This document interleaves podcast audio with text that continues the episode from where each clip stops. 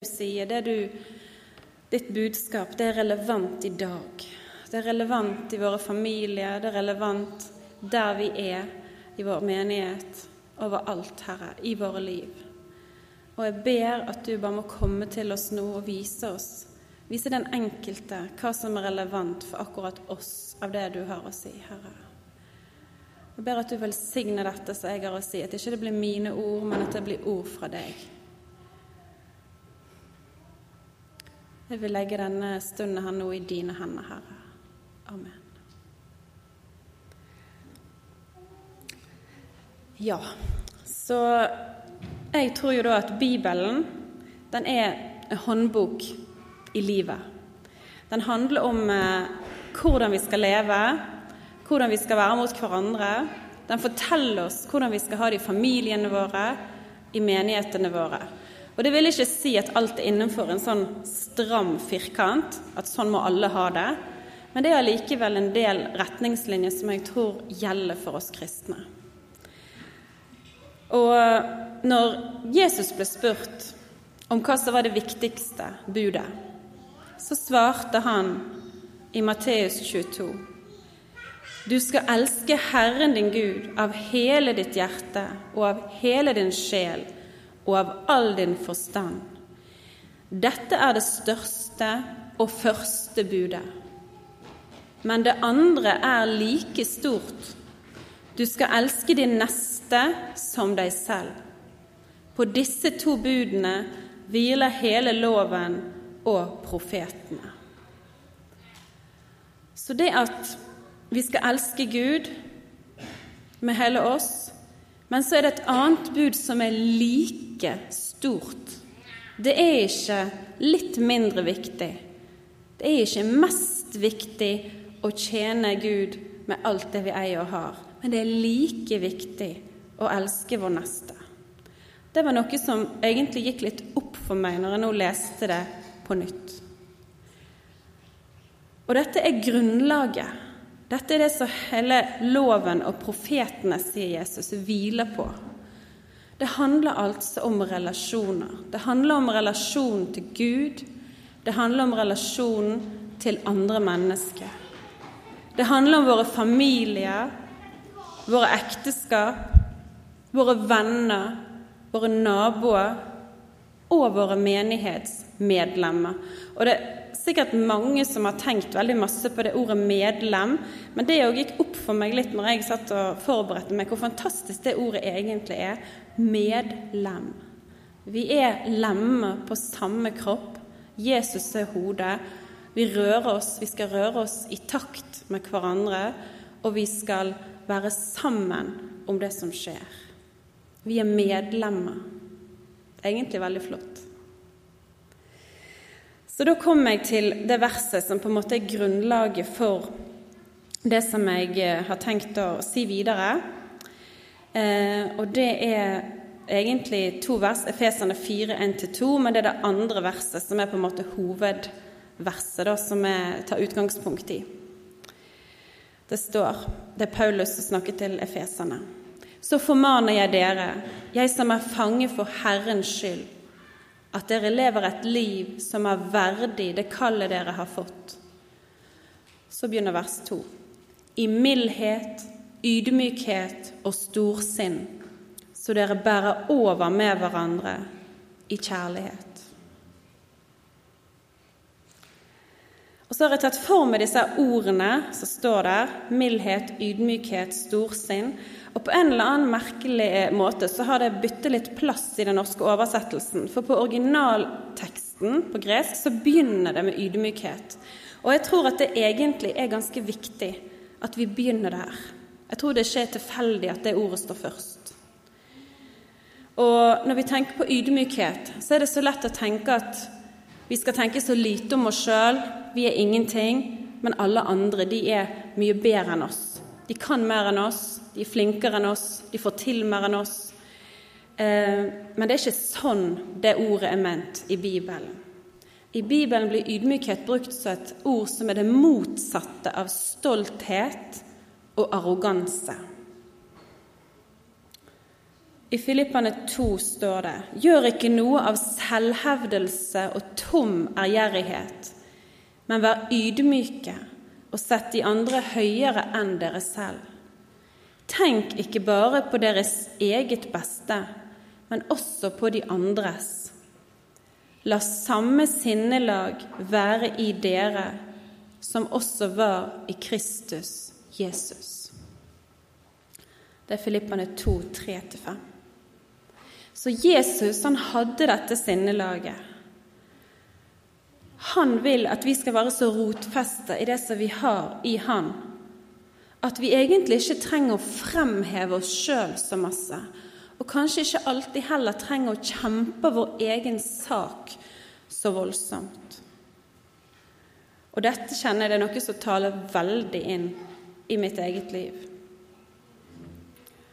For det er ikke sikkert at det er sånn, Camilla, sier jeg til meg sjøl, at om det er så viktig for deg, er det da så veldig viktig å holde det fram hvis det er enda viktigere for noen andre, i familien, i menigheten? Kanskje det skal være greit at de får det, sjøl om ikke det var det aller viktigste for meg? Hvis vi er ydmyke, så klarer vi å finne en glede, sjøl om vi ikke styrer og har kontrollen på alt. Og dersom vi har en oppgave som vi kanskje ikke ser på som den aller festligste eller kjekkeste oppgaven, så skal vi se på den tjenesten som en gave ifra Gud. For Jesus han viser oss at selve tjenersinnet det er en gave til oss i Johannes 13, 4-5. Da reiser han seg fra måltidet, legger av seg kappen, tar et linklede og binder det om seg. Så heller han vann i et fat og begynner å vaske disiplenes føtter og tørke dem med linkledet som han hadde rundt livet. Og dette er Jesus. Dette er ingen hvem som helst. Det er Jesus som gjør dette her. Og det var nok ingen oppgave som var veldig behagelig eh, å gjøre. da. Jeg regner med at disse føttene var ganske skitne, men jeg er sikker på at Jesus gjorde dette av ekte kjærlighet. Når han gjorde det, så ville han virkelig gjøre det. Så står det òg i Matteus 20.: Den som vil bli stor blant dere, skal være tjeneren deres. Og den som vil være først blant dere, skal være slaven deres. Slik er heller ikke menneskesønnen kommet for å la seg tjene, men for selv å tjene og gi sitt liv som løsepenge for mange. Og ved en anledning tar til og med Jesus fram et barn for å understreke dette poenget. Sånn skal vi bli. Disse skal være de største i Guds rike. Så det er Om det er en rangering i himmelen fra størst til minst, så er det de som er minst her, som er størst der. Det er den eneste rangeringen som er nevnt i Bibelen.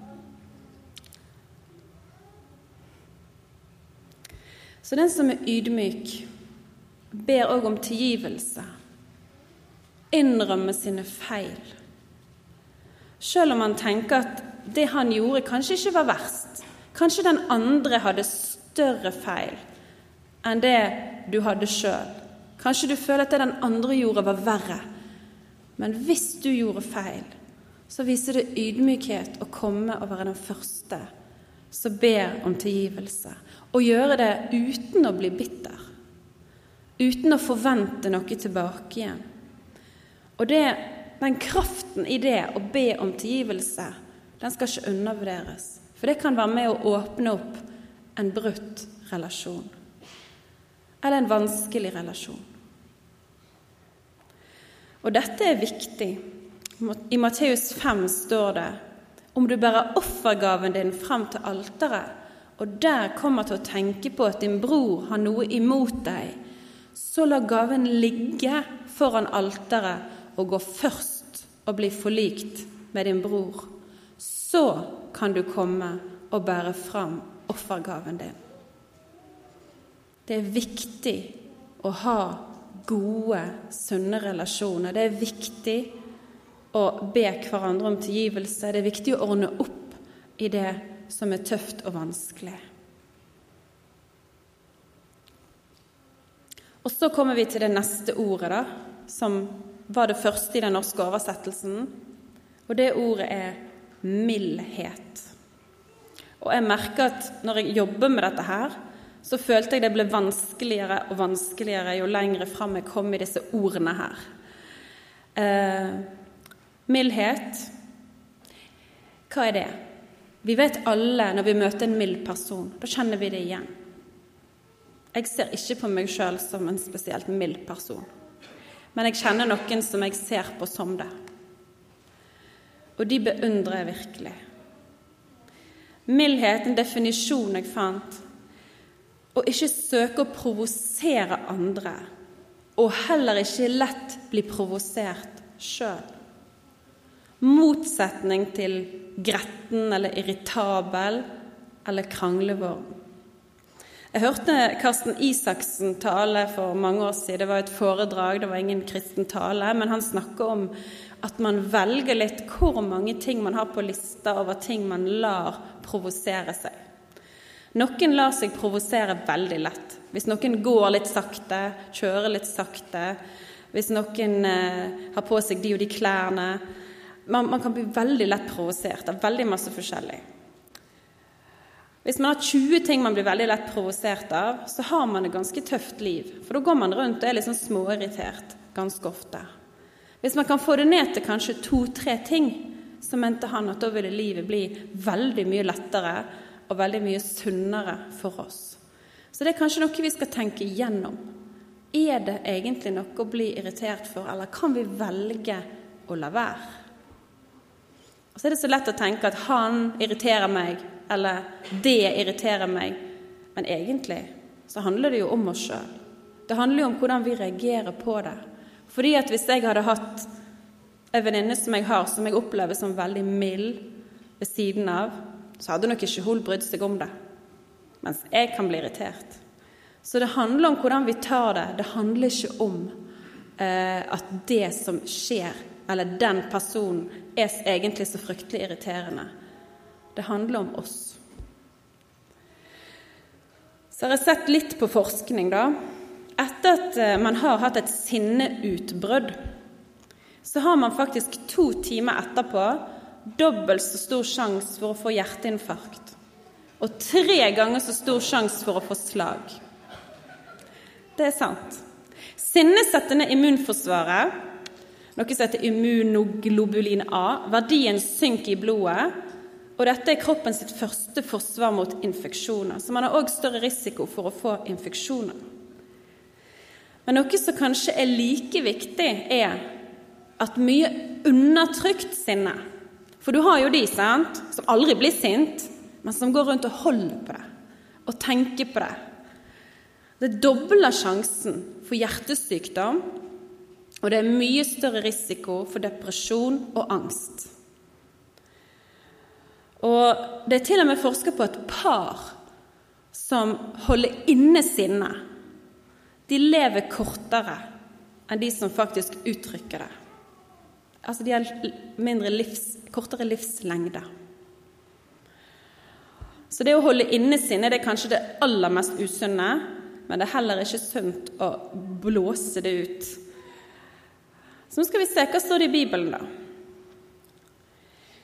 Dersom din bror gjør en synd mot deg og vi, Det står jo i Bibelen at sinne kan føre til synd. Det står ikke at sinne er synd. For det sinne er en følelse vi har naturlig, og den skal vi ta på alvor. Men det er lett for at i et sinneutbrudd så skjer det synd. Det er veldig lett for. Dersom din bror gjør en synd mot deg, så gå til ham og still ham til ansvar på tomannshånd. På tomannshånd. Hvis han hører på deg, har du vunnet din bror. Men hvis han ikke hører, skal du ta med deg én eller to andre, for etter to eller tre vitners utsagn skal enhver sak være avgjort. Hvis han ikke hører på dem heller, skal du si det til menigheten. Men hvis han ikke engang vil høre på menigheten, skal han være som en hedning eller toller for deg. Også dette sier jeg dere. Dersom to av dere her på jorden blir enige om å be om noe, hva det enn er, skal de få det av min far i himmelen. Matteus 18. Så det er jo en oppskrift her. Og nå kan vi tenke ok, gjør en synd mot meg. Men hvis vi blir irritert på noen, da, i menigheten. Hvis vi syns at noen uh, sier ting på en måte som ikke vi liker, hvis vi er uenige, så er det ikke sikkert at de har gjort en synd. Men har de ikke gjort en synd, så tenker jeg at da skal vi i alle fall la det ligge. Da skal vi i alle fall ikke hisse oss opp over det, bli provosert. Mildhet skal vi være prega av. Men selvfølgelig, noen ganger skjer det synd. Og da er dette veien å gå. Det står ikke at vi skal himle litt med øynene når personen snakker. Det står ikke at vi skal prøve å unngå den personen. Det står ikke at vi skal gå og snakke hardt til personen eh, framfor andre. Så Efesene 4.: Blir dere sinte, så synd ikke, og la ikke solen gå ned over deres vrede. Så det er ikke bare det at vi skal gå til personen på tomannshånd, som det står her. Men det er det at vi skal gjøre det fort. Vi skal ikke vente. Vi skal gjøre det fort.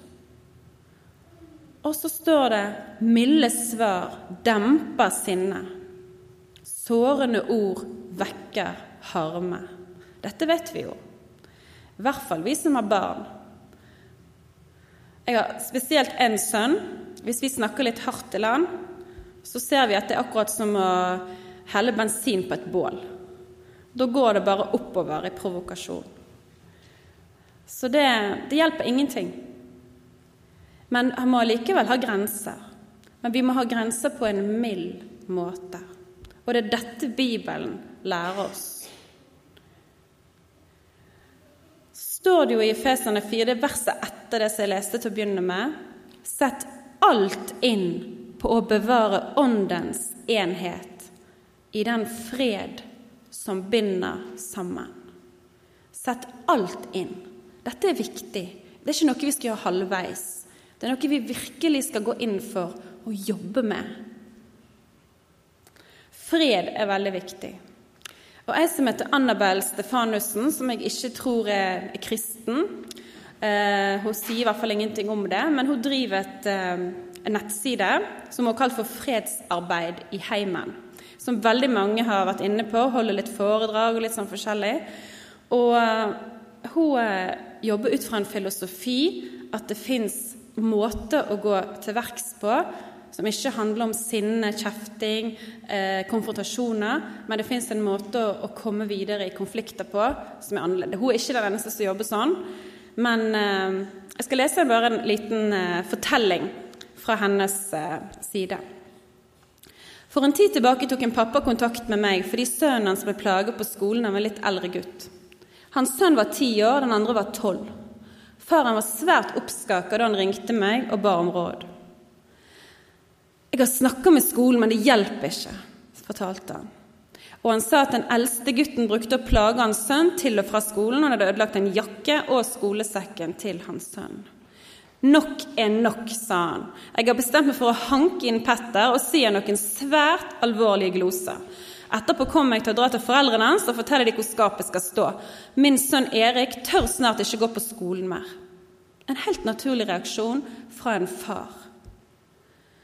Jeg lyttet til faren og spurte om han visste noe om familiesituasjonen til Petter.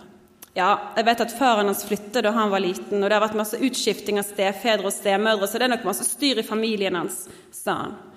Ok, svarte jeg. Jeg regner nesten med at det måtte være noe sånt. Hvorfor det? spurte faren. Jo, fordi jeg tror ikke barn som kommer fra stødige hjem med stabile foreldre, og som får den omsorgen de trenger, har behov for å utagere på den måten du beskriver, svarte jeg. Dette kan jeg ikke stå og se på, svarte han. Nei, det skal du overhodet ikke. Det er kjempefint at du har tatt kontakt med meg. Ettersom du har gjort det, så regner jeg med at du vet noe om min filosofi og tankegang rundt dette, sa jeg. Ja, svarte han, men jeg håper ikke du har tenkt å be meg om å ikke ta dette opp. Det har jeg ikke tenkt, svarte jeg vennlig og smilte i telefonen. Nå vil jeg at du lytter til mitt forslag, sa jeg rolig. Jeg vil at du tar kontakt med en eller begge foreldrene til Petter og ber om å få en samtale med de og han. Det har flere prøvd før, svarte faren. Det har aldri nytte. Ok, svarte jeg, men nå skal du gjøre noe på en annen måte, og det kommer de til å reagere annerledes på, fortsatte jeg like rolig. Jeg vil at du ringer de og høflig og rolig på telefon, spør om du og Erik kan få komme på besøk.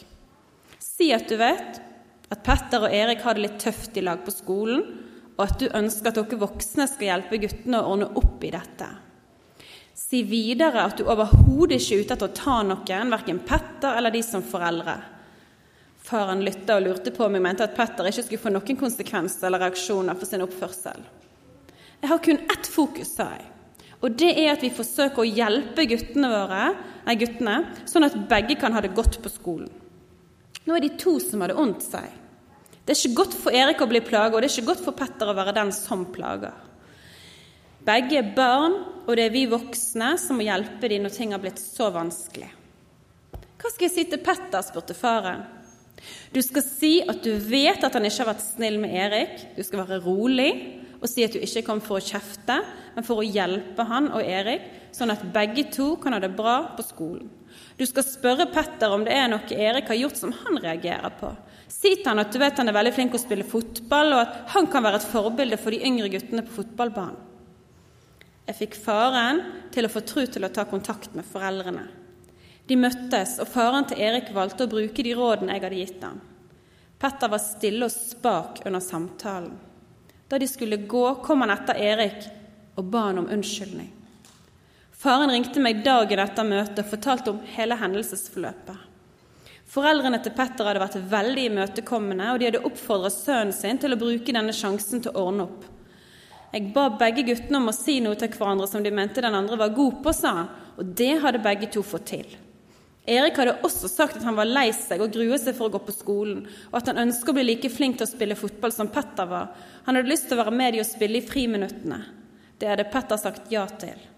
Som sagt, da de skulle gå, kom Petter etter de og ba om unnskyldning. Jeg ble utrolig glad da faren ringte meg for å fortelle om hendelsesforløpet. Han var litt usikker på om han skulle følge dette mer opp eller bare la det ligge. Jeg foreslo at han ringte foreldrene og takka for at han og Erik hadde fått komme, og at de ble mottatt så godt. Og så ba jeg han si til Petter at han var imponert over hvor modig han var som stilte opp, og hvor stort det var av han å be om unnskyldning. Si at du er stolt av han, og si at han alltid er velkommen til dere på besøk om han har lyst. Faren likte det jeg sa, og sa at dette skulle han gjøre. Han likte denne måten å håndtere det på. Jeg sa til faren jeg lover deg at nå har du bidratt til at to gutter har det mye bedre både inni seg og med de rundt seg enn de har hatt på lenge. I tillegg har dere som foreldre vist guttene deres en helt ny måte å løse opp i vanskelige saker på. Jeg vil bli svært overraska hvis jeg får høre at Petter plager Erik eller noen andre etter denne seansen. Faren var enig med meg. Han takker meg for veiledningen. Jeg takker han for at han bidro til å føre dette arbeidet videre ut i samfunnet. Det er dette jeg brenner for, sa jeg. Tusen, tusen takk for at du valgte en fredelig løsning. Jo flere vi får spredd dette til, jo færre er det som går til krig med hverandre, avslutter jeg. Han var helt enig. Norge er jo på topp når det gjelder nabokrangler som havner i retten. Dette er ikke noe som er inni kristen sammenheng, men det er også hos oss. Og vi har et kall til å gå ut i verden og vise en annen vei. Og det er andre òg som gjør det. Det er ikke bare kristne. Og det er ikke nødvendigvis sånn at det alltid er de kristne som gjør det heller. Men Bibelen er helt tydelig på det, at vi skal sette alt inn på å bevare fred. Vi skal prøve å gjøre ting på en rett måte, selv om andre ikke gjør det. Og vi ser at når vi gjør det på den måten som Bibelen instruerer oss om å gjøre det, så funker det. Og det er ikke sikkert at hun har Annabel Stefanussen engang vet om at dette står i Bibelen, men det funker likevel. Men så er det noen som kommer da, men Jesus han er jo ikke alltid mild. Ordet ormeyngel er vel brukt i Bibelen. og I tempelet så var han jo ganske hard med disse her som drev handel. Han var sint. Ja, det er helt sant. Jeg tenker likevel det er to ting vi skal ha i bakhodet når vi tenker på det. De som Jesus var hard mot, var ikke det mest de som ikke sjøl var ydmyke og milde mot andre? Var ikke det de han var hardest mot? Vi er jo ikke fullkomne heller, sånn som han, den andre tingen. Så hvis vi ser noen som vi ikke syns er så veldig bra på ydmykhet og mildhet, og det gjør vi jo, så tenker vi kanskje ikke så lett på oss sjøl i den sammenhengen. For det kan bli sånn at vi blir på en måte rettmessig opprørt for at noen ikke er ydmyk og mild. Men så faller vi i den grøfta at vi ikke er ydmyke og mild i møte med de på andre sida. Jesus var Jesus. Han var perfekt. Han levde et perfekt liv. Mens bjelken i vårt eget øye lett kan bli større enn flisen i den andres. Sånn ikke, det kunne ikke skje med Jesus. Så jeg tenker hvordan kan vi bruke en situasjon som i utgangspunktet er veldig vanskelig, som f.eks. denne gutten som mobber sønnen til eh, denne faren. Hvordan kan vi bruke den situasjonen til å skape fred og ikke strid? Det fins ofte mange muligheter i sånne typer situasjoner. Mildhet er òg et veldig sterkt vitnesbyrd, spesielt når det ikke er fortjent. Han, eh, Petter han visste jo at han hadde gjort noe feil. Men hvis han ble ble konfrontert med det på en hard måte, så gikk det ikke inn. Da gikk han i forsvar. Og sånn gjør òg mange av oss. Vi går i forsvar. Men hvis noen snakker mildt til oss, hvis de forteller oss at vi vil hjelpe, så skaper det en åpenhet og en god relasjon der vi våger å innrømme det vi har gjort feil. Så å sette hardt mot hardt, det gjør ofte at rullegardinen går ned, og relasjonen blir enda mer vanskelig og kanskje totalt brutt. Mens mildhet skaper kontakt, vennskap og kjærlighet. Så kommer vi til det siste ordet i verset. Storsinn står det i den norske oversettelsen. Og Det er et ganske vanskelig ord som vi gjerne ikke bruker ofte. En del ganger er dette ordet på, som på grunnteksten heter makrotymia, også oversatt med tålmodighet. Um, det handler om å være lenge tålmodig i smerte. Å tåle. Dette er det vanskeligste av alt. Her handler det faktisk om når vi har blitt såra, når vi har opplevd smerte på grunn av det andre har gjort. At vi ikke skal holde på det, men at vi skal være tålmodige. At vi skal bære over med det. La det gå. Bestemme oss for å legge det bak oss, kanskje uten at den andre en gang har kommet oss i møte. Det går faktisk an å tilgi uten at den andre parten har sagt unnskyld. Det er det som er storsinn. Ikke det som er lett, men det som er vanskelig. En annen definisjon som er brukt, er å holde inne lenge før det gir rom for sinne. Så har vi selvfølgelig eksempler på der det er virkelig overgrep som er begått mot andre mennesker. Og der tenker jeg ikke at det er rett å holde inne og kreve at mennesket skal, skal, glemme å legge bak seg. Da tenker jeg at man trenger hjelp. Man trenger å gå til rådgivning, man trenger å få sjelesorg. noen ganger må man til og med gå til anmeldelse. Så det er ikke det jeg snakker om her. Jeg snakker om ting der vi blir såra, der folk har gjort noe galt, men der det ikke er noe som er direkte vondt over lang tid, eller ulovlig, eller veldig, veldig smertefullt. Så det holder jeg utenfor. Men dette er tøffe vers i Matteus 5. Dere har hørt det er sagt, du skal elske din neste og hate din fiende. Men jeg sier dere, elsk deres fiender.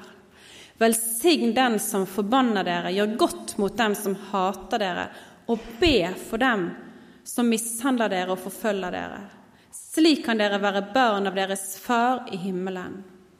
For han lar sin sol gå opp over onde og gode, og lar det regne over rettferdige og urettferdige.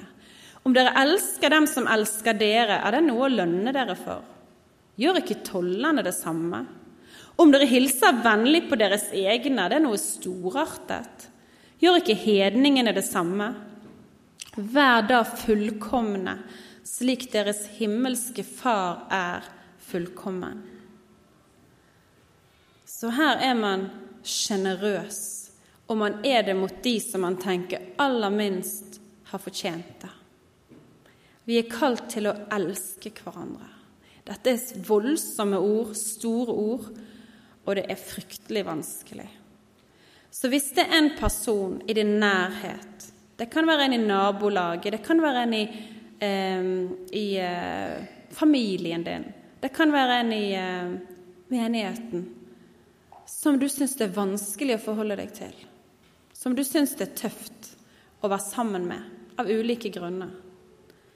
Jeg tror det sitter langt inne hos oss å kalle noen for vår fiende. Så Derfor så blir kanskje dette verset litt sånn, vi skyver det litt vekk, for det handler ikke om oss, for jeg har jo ingen fiende. Men tenk på den personen du syns det er tøffest å forholde deg til i livet. Da er det den personen du er kalt til å elske. Den personen. Dette er tøft. Først skal vi være ydmyke og tjene alle andre. Så skal vi være milde og seine til sinne og frustrasjon. Og på toppen av alt så skal vi vise storsinn. Når noen virkelig har gjort noe dumt, så skal vi faktisk til og med da vise tålmodighet og godhet. Så nå merker vi vel noen og enhver at vi kjenner at dette her, det er ikke vi bra på. Jeg kjenner i hvert fall det. Vi er ikke så gode til mildhet alltid. Her om dagen så ble vi sint, enten på ektefellen vår eller på barnet vårt. På forrige personalmøte så var ikke vi spesielt milde i tonen. Vi var mer opptatt av vår egen agenda på forrige medlemsmøte enn av hva de andre tenkte og lyttet til de. Og da får vi lov å komme til Gud. Vi får lov å høre hans hjerteslag. Tenk på den bortkomne sønnen. Han hadde virkelig svikta på alle punkt. Han hadde stukket av fra faren sin, han hadde gjort alt han ikke skulle gjøre. Og han fikk en fantastisk velkomst når han kom hjem. Jeg vil bryte opp og gå til min far og si, Far, jeg har syndet mot himmelen og mot deg. Jeg fortjener ikke lenger å være sønnen din, men la meg få være som en av leiekarene dine. Dermed brøt han opp og dro hjem til faren. Da han ennå var langt borte, fikk faren se han, og han fikk inderlig medfølelse med han. Han løp sønnen i møte, kastet seg om halsen på han og kysset han. Sånn er Gud. Når vi kommer og ikke klarer det som Jesus sier, vær da fullkomne. Vi klarer ikke det. Men han vil hjelpe oss til å komme ett steg videre. Ofte er det gjerne to steg frem og ett tilbake. Noen ganger er det gjerne to tilbake igjen òg. Men vi får alltid komme. Og vi kan komme med hele oss. Vi kan komme med det som er vanskelig, med det som er tøft, med det vi har gjort galt, men vi må passe oss for å ikke komme. Vi må passe oss for å holde på ting og tenke at ja, men akkurat den som jeg er irritert på, akkurat det som jeg syns er feil, det er rettmessig. Det har jeg jo rett til. For det var jo så forferdelig, det som skjedde. Vi må passe oss for å havne der. For det er ikke det Bibelen sier. Men Bibelen sier at det er ingen fordømmelse for den som er i Kristus Jesus. Så vi skal søke Jesus, og vi skal følge han i våre relasjoner, i våre konflikter. Så er det noe vi skal ta tak i. Er det noe du skal ta tak i når det gjelder disse tingene her? Hvor ligger din utfordring? Er det at du er lett å hisse opp? Er det at du lett kan tenke at du sjøl klarer ting litt bedre enn de andre, og at det er du står for, er litt viktigere enn det de andre tenker og står for? Er det det at du noen ganger er litt for krass og trenger å be noen om tilgivelse? Er det kanskje noen du trenger å tilgi, som ikke har bedt deg om tilgivelse, men som du allikevel bærer et nag til i hjertet ditt? Det er mulig å gå til forbønn og etterpå og bekjenne ting. Det er mulig å, å be sjøl om, det, om dette. Jeg tror ofte det er en styrke i å bekjenne og gå inn i det sammen med noen andre.